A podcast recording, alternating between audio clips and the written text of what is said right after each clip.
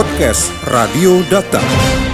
Kendakta Ustadz Abdul Somad menggalang donasi untuk membeli kapal selam pengganti KRI Nanggala 402 yang tenggelam di perairan Bali beberapa waktu lalu.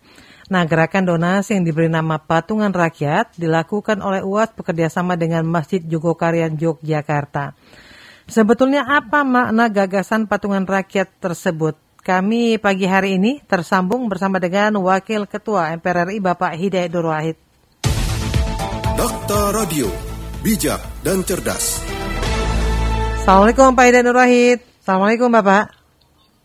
Waalaikumsalam warahmatullahi Kabar sehat Bapak pagi hari ini?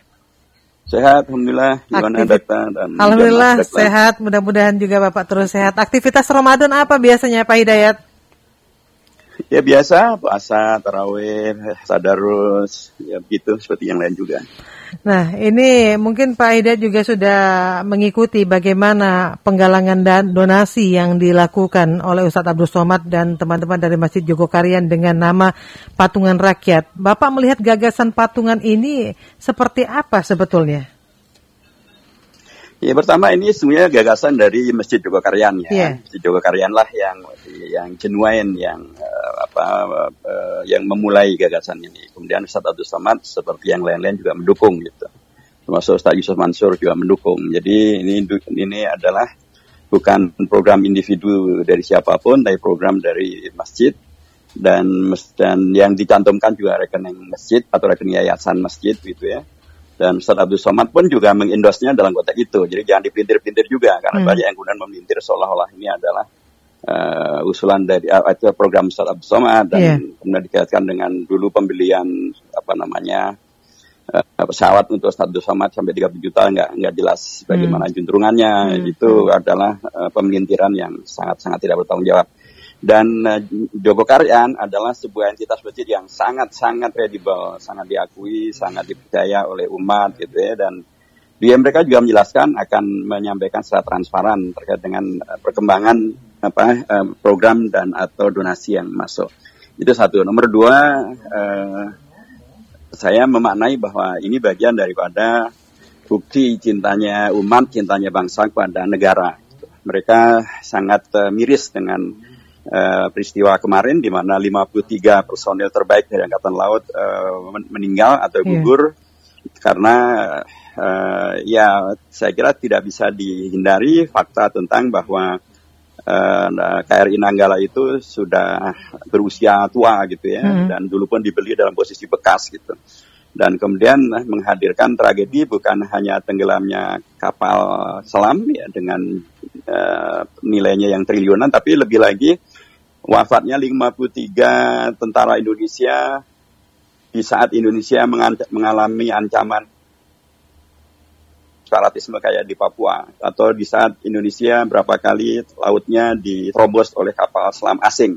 Tentu kita memerlukan prajurit-prajurit yang hebat ya, yang siap siaga dan sehat walafiat. Tapi mereka wafat dalam kondisi semacam ini. Tentu sangat wajar bila umat atau bangsa ini eh, sangat prihatin dan memikirkan bagaimana solusinya. Justru aneh kalau kemudian eh, orang enjoy-enjoy saja, malah ada yang kemudian itu kan munggah di media sosial Betul. ungkapan-ungkapannya sangat-sangat tidak bertanggung jawab. Dan saya setuju mereka ditangkap dan diberikan sanksi yang sangat keras. Nah jadi ini adalah ekspresi cinta umat kepada Indonesia dan ka- dan karenanya nilainya menjadi tidak terbatas itu Eh, sehingga kalau ada yang mengatakan ini kan kapal selam itu mahal memang bisa umat me- mengumpulkan duit pertama ekspresi cinta umat pada bangsa di tengah bangsa dan negara lagi penuh tantangan semacam ini itu nilainya mahal banget Hmm. itu nggak bisa dinilai dengan berapa triliun pound itu satu. Nomor dua, jangan juga underestimate. Karena eh, saya sampaikan kan dalam tweetan saya bahwa eh, siapa yang mengira bahwa Indonesia bisa membeli pesawat melalui patungan? Ternyata kan bisa. Iya. Pesawat pertama Indonesia itu adalah pesawat Seulawah atau pesawat Garuda yang dinamai Seulawah. Seulawah itu satu kota atau satu kawasan di Aceh. Mengapa dinamakan Seulawah? Karena itu adalah hasil patungan dari warga Aceh, terutama ibu-ibu di Aceh yang rela mele- melepaskan eh, perhiasan mereka, ada anting, ada gelang, ada macam-macam ya, dan kemudian diberikan kepada negara melalui Bung Karno, dan kemudian jadilah itu pesawat yang dibeli melalui melalui patungan. Anda bayangkan kalau ukurannya zaman itu, waduh, pasti nilainya sangat-sangat sangat besar gitu ya membeli pesawat. Tapi ternyata bisa. Jadi jangan juga underestimate. Jadi uh, itu yang kedua. Yang ketiga menurut saya ini juga bentuk lain daripada uh, tawasobil hak, tawas uh, tawasobil sabar, amal ma'ruf nahi mungkar juga dari umat. Karena uh, sesungguhnya kan umat juga tahu bahwa di Indonesia Indonesia itu mempunyai APBN yang cukup ya, untuk membeli dan atau untuk membuat uh, kapal selam. Tapi kan anggaran itu sebagiannya dipakai untuk hal-hal yang tidak urgen atau hal-hal yang kemudian uh, tidak sama sekali terhubung dengan manfaat bagi rakyat. Misalnya, Kementerian Keuangan memutuskan untuk memberikan suntikan kepada BPUI, BPUI untuk menyelamatkan uh, apa uh, asuransi jiwasraya. Berapa suntikannya? 20 triliun Padahal Jiwasraya menjadi kolab bukan karena melayani rakyat, tapi karena dikorupsi oleh para petinggi-petingginya. Hmm. Nah harusnya kan yang dikejar adalah bagaimana agar uh, korupsi itu di koruptor ditangkap, uangnya dikembalikan, sehingga kemudian uh, rakyat tidak dirugikan. Ini malah enggak. Malah pemerintah malah menyuntik dengan dana dari APBN 20 triliun. Apa mana 20 triliun? Setiap Eh, menurut uh, berita dari PT PAL, PT PAL itu bisa membuat uh, kapal selam dengan nil dengan nilai atau harganya RV 1,5 triliun. Jadi kalau misalnya negara melakukan APBN dengan benar, maka 20 triliun itu katakanlah 10 triliunnya saja, 10 triliunnya kemudian dipergunakan untuk membeli kapal selam hmm. dalam konteks yang dibikin oleh PT PAL itu. Itu dapat berapa? Dapat 6 Indonesia sekarang hanya punya lima kapal selam. Satu sudah tenggelam, dua dibeli zaman Pak Harto, tiga dibeli zaman Pak SBY. Hmm. Jadi ini juga kritik pada Indonesia agar APBN-nya itu dipakai betul-betul untuk yang sangat urgen. Di antara yang urgen itu adalah mem memperbaharui alutsista Indonesia. Ada satu lagi anggaran yang sangat tidak bertanggung jawab, yaitu anggaran untuk pemindahan ibu kota dari Jakarta ke Kalimantan Timur. Yeah. Itu dari APBN-nya sekitar 89 triliun. Buat apa pindah HPB eh, Indonesia Jakarta ke Kalimantan Timur? Indonesia juga lagi sangat sangat uh, apa, kaya utang gitu ya hmm. dan Indonesia juga lagi karena pandemi COVID-19 rakyatnya menjadi susah. Penduduk miskin saja sesuai dengan uh, sensus dari BPS per Februari kemarin sudah nambah 2,6 juta. Uh, jadi rakyat yang lagi susah ini harusnya APBN-nya tidak dipakai untuk hal yang tidak jelas seperti pemindahan ibu kota, harusnya dipakai untuk mengatasi dampak-dampak daripada uh, COVID-19 termasuk tadi untuk pembelian alutsista. Karena uh, tadi uh, laut kita itu sangat-sangat luas dan sangat terbuka tapi dan sudah diinfiltrasi begitu banyak oleh kapal-kapal asing termasuk nelayan-nelayan asing ya. Sekarang bandingkan dengan dengan dengan Singapura dan Malaysia. Singapura dan Malaysia itu bukan negara kepulauan. Uh, laut mereka pun juga sangat sedikit kan. Tapi mereka punya kapal kapal selam masingnya dua. Hmm. Jadi Indonesia punya lima, mereka punya dua. Tapi banding itu Singapura, ini Indonesia.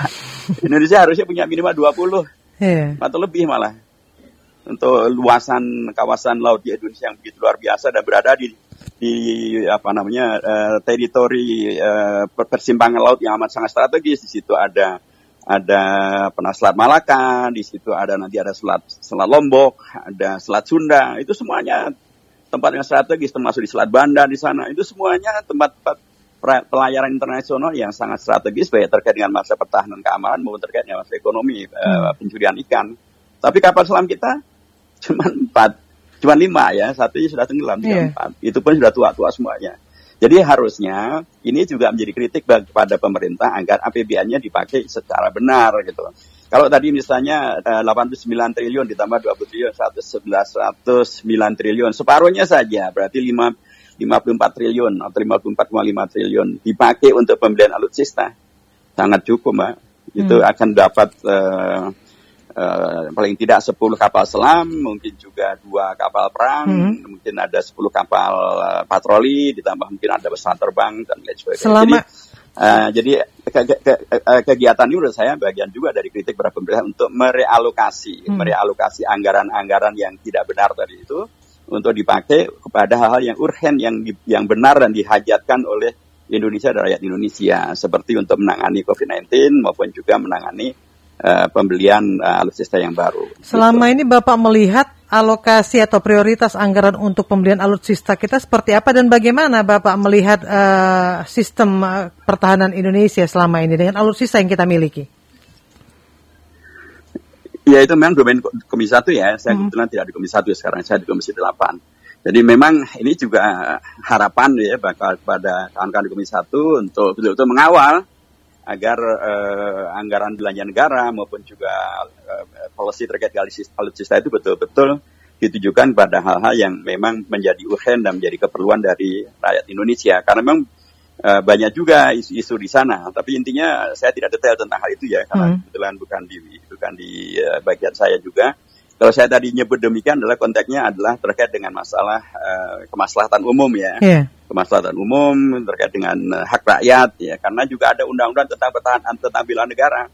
Dalam undang-undang tentang bela negara itu justru ada ketentuan tentang pelibatan rakyat di dalam membela negara. Dan ini juga salah satu bentuk daripada rakyat membela negara dengan uh, tadi uh, apa uh, bayar terlibat langsung berapapun jumlah yang nanti bisa dikumpulkan gitu ya. Maupun juga tadi semangat untuk men, untuk uh, men, men, mencintai bangsa Indonesia yang itu penting untuk betul-betul di justru ditumbuh kembangkan oleh rakyat Indonesia ketika tadi sekali lagi isu tentang terorisme, radikalisme, separatisme, hmm. ya, termasuk juga infiltrasi asing demikian sangat luar biasa. Ini harusnya yang di, dimaksimalkan oleh diterima kasih oleh Indonesia dan jangan kemudian malah dinyinyirin gitu. Iya. Pak, masih relevan tidak sebetulnya kalau ini berbicara tentang apa rencana pemindahan ibu kota di tengah tadi kondisi COVID kita belum selesai, lalu juga persoalan-persoalan yang lain dengan 89T nilainya cukup besar ini. Ya, 89T itu adalah uh, dari APBN-nya Mbak ya. Yeah. Jadi selebihnya kan pemerintah itu mengandalkan pada investasi asing uh, sampai lebih, lebih dari 400 triliun. Hmm. Nah, itu kan jadi masalah baru. Masa ibu kota negara didanai oleh asing yeah. dan itu artinya adalah eh, semacam semacam tukar guling nantinya hmm. atau semacam pinjaman lah gitu di mana marwahnya negara. Jadi kalau kalau menurut kami di PKS dari dulu kami menolak dan tidak ada urgensinya. Apalagi ada kemudian kejadian COVID-19 dan lain sebagainya karena uh, alasan pindah dari Jakarta ke sana pun kan juga tidak terjawab ya. Alasan misalnya eh, Jakarta sudah terlalu penuh. Ya memang di sana masih kosong karena dalam tanda kutip eh, itu adalah kawasan eh, banyak kawasan yang merupakan kawasan eh, hutan lah gitu ya. Yeah. Tapi apakah betul bahwa itu menyelesaikan masalah? Karena eh, pertama kalau dikaitkan dengan masalah banjir, gitu, ya, karena salah satu di antara karena Jakarta banjir, ya, kan sana banjir juga. Hmm. Kalau kalau dikaitkan dengan masalah gempa gitu, di sana kan dikepung oleh gempa juga. Bukan aja kemarin ada gempa besar di Sulawesi Barat dan Sulawesi Tengah. Hmm. Sulawesi Barat, Sulawesi Tengah itu hanya di seberangnya mereka saja itu. Dan uh, banyak ahli geologi juga mengatakan bahwa patahan-patahan sesar yang kemudian memungkinkan terjadi terjadinya gempa besar juga bisa terjadi sampai ke Kalimantan Timur. Podcast Radio Data. Anda cukup masuk ke mesin pencari Google atau lainnya dan tinggal mengetik podcast Radio Data podcast Radio Data, aktual dan informatif.